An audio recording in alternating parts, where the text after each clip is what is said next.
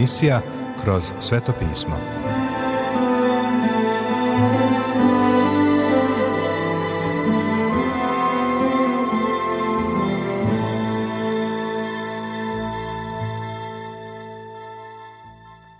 Dobroveče, poštovani slušaoci i dobrodošli u još jednu emisiju programa Kroz sveto pismo, programa koji je za vas napisao Vernon McGee, a pročitao Branko Bjelajac. Želimo vam prijetno i blagoslovljeno slušanje.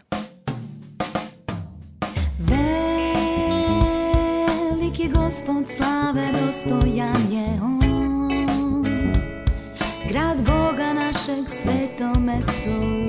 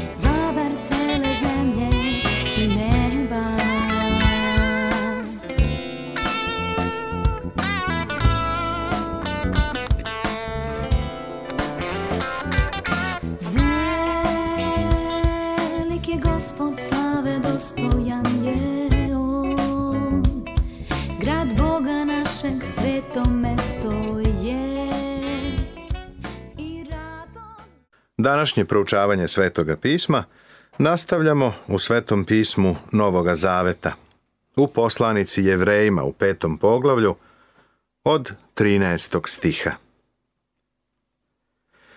Jevrijskim vernicima pisac poslanice Jevrejima je rekao Takvi ste da vam je potrebno mleko, a trebalo bi da ste dostigli zrelost. Beba ne može da jede meso, ali odrastao čovek uživa u mleku. Priznajem da mnogi vernici danas sede i slušaju bebeće pričanje sa propovedaonice. Tragično je da moraju to da trpe, ali moraju. Jer svako ko se hrani mlekom nije vičan u reči o pravednosti, jer je nejak on ne poznaje Božiju reč. Ne želim da ti gazim na žulj, prijatelju, nego bih želeo da ti budem od koristi. Bez Božije reči ne možeš da rasteš. Nije bitno koliko si aktivan u crkvi. Možda si službenik crkve. Možda si u svakom crkvenom odboru. Možda si glavni đakon ili starešina. Nije mi važno šta si ni ko si, ako ne proučavaš Božju reč. Ako ne znaš kako s njom da postupaš, ti si mala beba. Tragično je zauzeti položaj u crkvi dok si još beba. Treba da izađeš i porasteš. Tragično je što ima ljudi koji su članovi crkve i već su godinama spaseni, ali i dalje tumaraju i govore gu, gu, gu ničim ne doprinose, pričaju kao bebe. Sve što takvima treba jeste da ih ponekad potapšu po leđima. A čvrsta hrana je za savršene, čija su čula navikom uvežbana za razlikovanje dobra i zla. U prvoj poslanici Korinćanima u trećem poglavlju, prvom i drugom stihu apostol Pavle kaže – i ja, braćo, nisam mogao da vam govorim kao duhovnim ljudima, nego kao telesnima, kao nejakima u Hristu. Mlekom sam vas napojio, ne čvrstom hranom, jer još niste mogli da je podnesete. A ni sad još ne možete. A u prvoj poslanici Petrovoj svetoga pisma Novog Zaveta u drugom poglavlju od prvog do drugog stiha apostol Petar kaže Odbacite dakle svaku zloću i svaku prevaru i licemerstva i zavisti i sva klevetanja. Kao nanovorođena deca treba da želite duhovno, pravo mleko, da njim uzrastete za spasenje. Poglavlje šesto. Tema. Signal za uzbunu. Opasnost od odstupanja. Ovo poglavlje, pored svih neobičnosti, sadrži i najteži odeljak u Svetom pismu. Najteži za tumačenje, bez obzira na teološki stav koji zastupa komentator. Dr. R.V. Dale jedan od velikih umova ranog doba konzervativne misli, napisao je sljedeće. Znam da je ovaj pasus učinio da su mnogi dobri ljudi drhtali. On se u Novom Zavetu uzdiže sa sumornom veličinom, neumoljiv, kao znamenje strašan, uzvišen kao gora Sinaj, kada se gospod spustio u ognju, a zastrašujući uskovitlani oblaci su ga okruživali a munje i gromovi nestvarnim glasovima govorili da je on tamo bio. Svaka bogobojažljiva osoba došla je do ovog odeljka sa strahopoštovanjem i čuđenjem. Svaki iskreni komentator je do ovog odeljka došao sa osjećanjem nepodobnosti. Upravo tako mu i ja pristupam. Signal za uzbunu. Opasnost od odstupanja U prethodnom poglavlju signal nas je upozoravao da možda ne čujemo dobro. Pošto sada jevrejski hrišćani uviđaju da će doći do progonstva, postoji opasnost da će se okrenuti od svoje vere u Hrista i vratiti se u judaizam – spominje se nezrelo ponašanje koje se odnosi na ritual. Pisac ih podstiče da uzrastu, da streme ka zrelosti. Stoga ostavimo početnu nauku o Hristu. Obratimo se savršenstvu, ne postavljajući opet temelj odvraćanjem od mrtvih dela i verom u Boga. Stoga ostavimo početnu nauku o Hristu. Doslovno piše ostavimo reč o početku o Hristu. Za graditelja to znači da ostavi temelji da krene na skele. Za dete u školi to znači da krene sa azbuke i počne da radi na magistraturi ili doktoratu. Ovo je priprema vernika za put do Božijeg trona obratimo se je horizontalno usmereno, a ne vertikalno. Savršenstvu ovo je zrelost, zrelo doba. U Starom Zavetu postoji pet temeljnih znakova koji su unapred predstavili Hrista kroz ritual, simbol i ceremoniju. Prvo, odvraćanje, pokajanje od mrtvih dela drugo vera u Boga. Treće doktrina o krštenju. Četvrto polaganje ruku. Peto vaskrsenje mrtvih i šesto večni sud. Odvraćanje od mrtvih dela. Dela su dela Mojsijevog zakona. Stalno su pokušavali da drže zakon, a onda su ga kršili, pa su se kajali. To je nezrelo detinje ponašanje i to im ovde pisac govori. Verom u Boga Stari zavet je poučavao veru u Boga. Ali samo reći da veruješ u Boga ne znači da si daleko dogurao.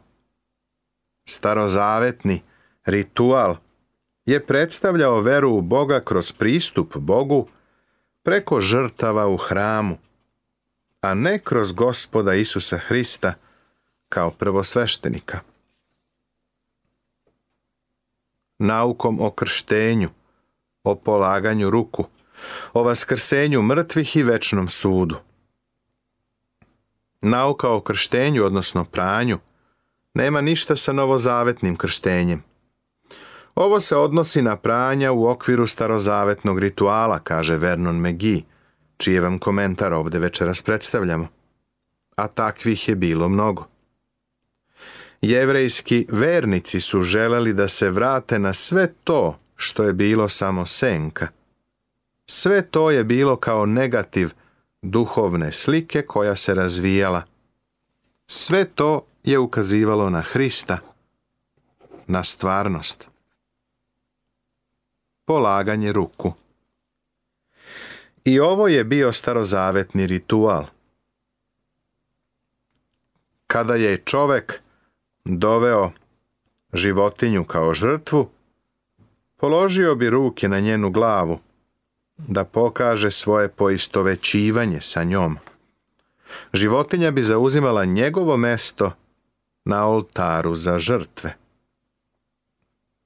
vaskrsenje mrtvih, je poučavano u Starom Zavetu, ali je sada trebalo da dođu do Hristovog vaskrsenja i do živog Hrista. Večni sud je poučavan u Starom Zavetu. I ovo ćemo učiniti ako Bog da. Ovo nas sada dovodi do pasusa koji je stvorio više problema od svih ostalih delova Svetog pisma. Neki ga smatraju najtežim delom za tumačenje. Jer je nemogućno one koji su jednom prosvećeni i koji su okusili nebeski dar postavši učesnici duha svetoga, koji su okusili dobru reč Božiju i sile budućeg sveta, pa ipak otpali, opet obnoviti za pokajanje. Pošto oni ponovo sebe raspinju i sramote Sina Božijeg. Zemlja naime koja se napila kiše, što često na nju pada i koja rađa korisno povrće onima kojih se i obrađuje, prima blagoslov od Boga, koja pak donosi trnji i čkalj, ništa ne vredi i blizu je kletve. Njen kraj jeste u spaljivanju. A za vas, dragi naši, uvereni smo da ste bolji i da vam predstoji spasenje, iako ovako govorimo. Stih 9 je ključni za tumačenje. Ali nam je potreban ceo kontekst da bismo razumeli o čemu se govori. Dok proučavamo ovaj deo, odmah se suočavamo sa začuđujućom činjenicom da su generalno komentatori izbegavali ovo poglavlje. Čak i ljudi kakav je Gordon Morgan Campbell, najbolji od svih tumača, potpuno je zaobišao ovo u poslanici jevrejima. Međutim, kada dođemo do onih tumačenja koja su nam dostupna i kada ih rezimiramo, sasvim dobro ćemo razumeti zašto su ljudi odlučili da ostanu po strani, jer se mnoga tumačenja mogu naći. U interesu poštenog traganja za očiglednim smislom ovih stihova, Hajde da vidimo šta su govorili neki tumači.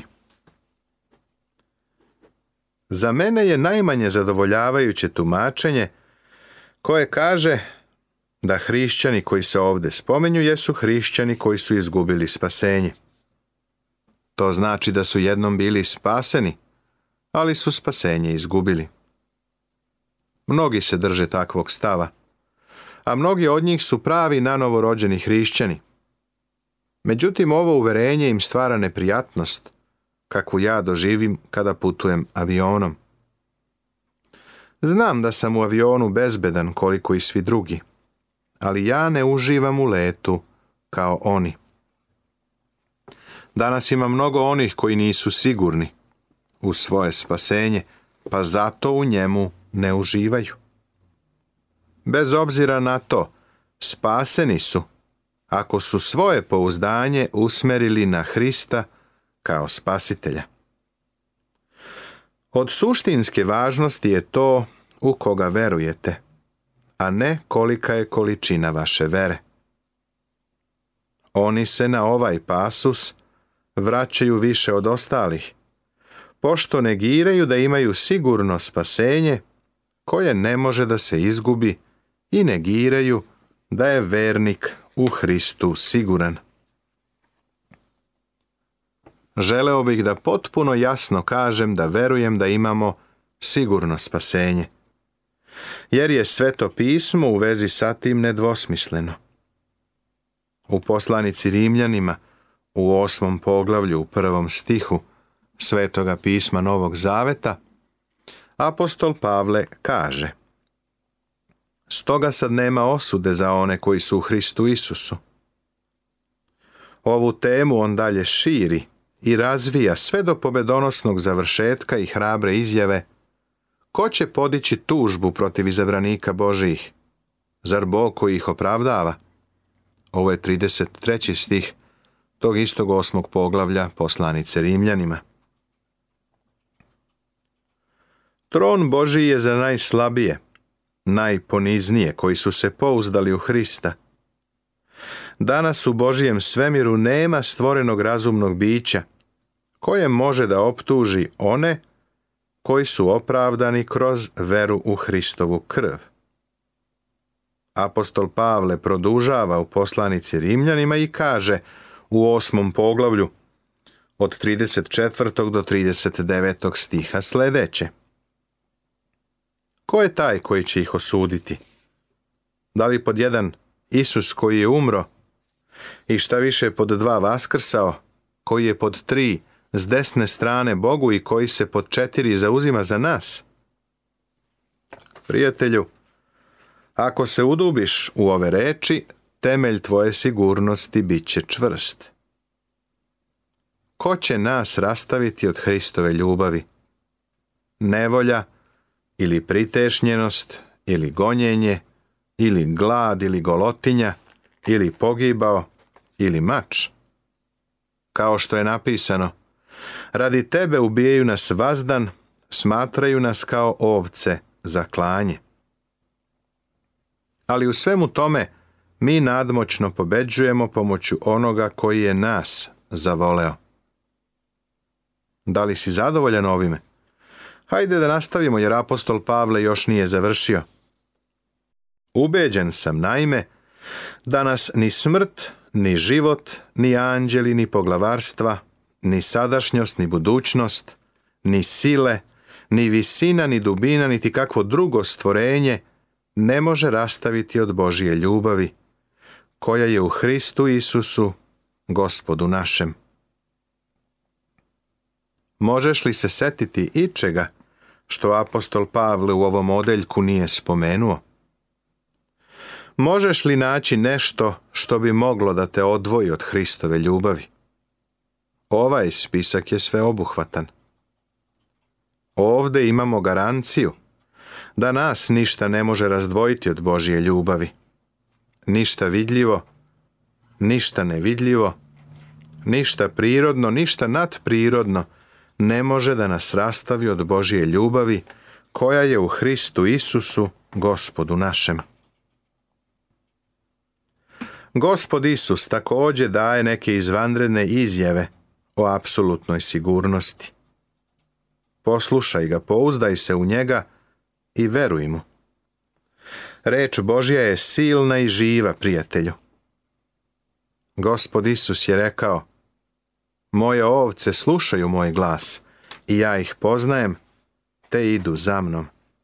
Dajem im večni život, kaže Evanđelje po Jovanu, deseto poglavlje, 27. i 28. stih Svetoga pisma Novog Zaveta. Kakav život? Večni život. Ako je moguće izgubiti ga, onda nije večni pa neće nikada propasti, niti će ih ko oteti iz moje ruke. Moj otac koji mi dade, veći je od svih i niko ne može da otima iz ruke moga oca, kaže Evanđelje po Jovanu, deseto poglavlje, 28. i 29. stih Svetoga pisma Novog Zaveta. Ovo nije pitanje tvoje sposobnosti da se držiš Boga, nego je to pitanje njegove sposobnosti da tebe drži. On ovde, sa beskrajnom mudrošću i punim autoritetom kaže da može da nas održi i da oni koji u njega veruju nikada neće propasti. Pitanje je, da li je tvoja nada pričvršćena za Boga koji ima svu silu ili u Boga koji može da pretrpi poraz. Naveo sam samo neke odeljke iz pisma koji potpuno jasno pokazuju da ne mogu da postanem izgubljen nakon što sam se ponovo rodio i ušao u Božiju porodicu. Kroz veru u Hrista postajemo Božija deca. Kada čovek jednom postane Božije dete kroz veru u Hrista, ima večni život. Ne mogu da prihvatim tumačenje da su ljudi opisani u poslanici Jevrejima u šestom poglavlju od četvrtog do devetog stiha nekada bili spaseni, pa su onda izgubili spasenje. Postoji i drugo objašnjenje koje ima neke vrednosti u sebi. Neki smatraju da je ovde reč o hipotetičkom slučaju, o pretpostavci pa ipak otpali. A u drugim prevodima piše pa će ipak otpasti. Samo postoji mogućnost da se to desi. Ne kaže da se to dešava, nego da je to moguće. Oni koji zastupaju taj stav kažu da je tu jedno veliko ako. Slažem se sa njima. Da nisam prihvatio drugo tumačenje ovog odeljka, složio bih se sa njima. Nastavit će se.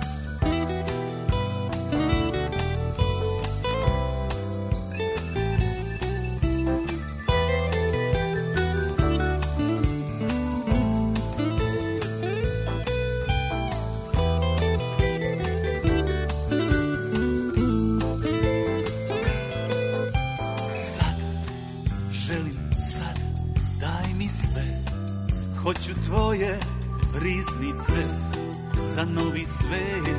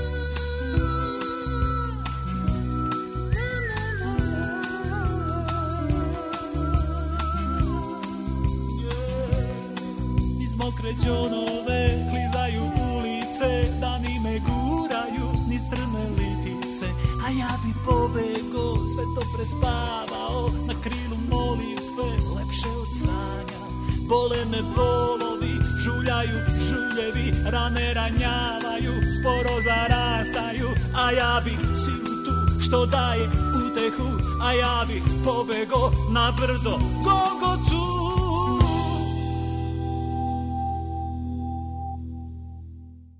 Poštovani slušaoci, završena je još jedna emisija iz serijala Kroz sveto pismo. Ovaj program možete da slušate svakog radnog dana na talasnoj dužini od 1548 kHz u vremenu od 22 sata do 22 sata i 30 minuta. Ukoliko želite da nam se javite, da nas pohvalite ili pokudite, da nam predložite izmene kojima bismo mogli da poboljšamo naš program, ali i da vas nagradimo kakvom dobrom hrišćanskom knjigom, Novim Zavetom ili celom Biblijom. Na raspolaganju su vam telefon, elektronska pošta ili obična pošta. Broj našeg telefona je plus 381 062 396 331. Adresa redakcije glasi Poruke, Poštanski fah 37 11060 Beograd. Elektronskom poštom nas možete kontaktirati na krosvetopismo at gmail.com. Također, pripremili smo vam i web stranicu na kojoj možete pronaći sve naše programe. Adresa web stranice je www.twrpovlaka.com povlaka org To bi za večeras sa naše strane bilo sve. Pozdravljaju vas i žele vam Boži blagoslov Branko, Nebojša i Monika. Laku noć.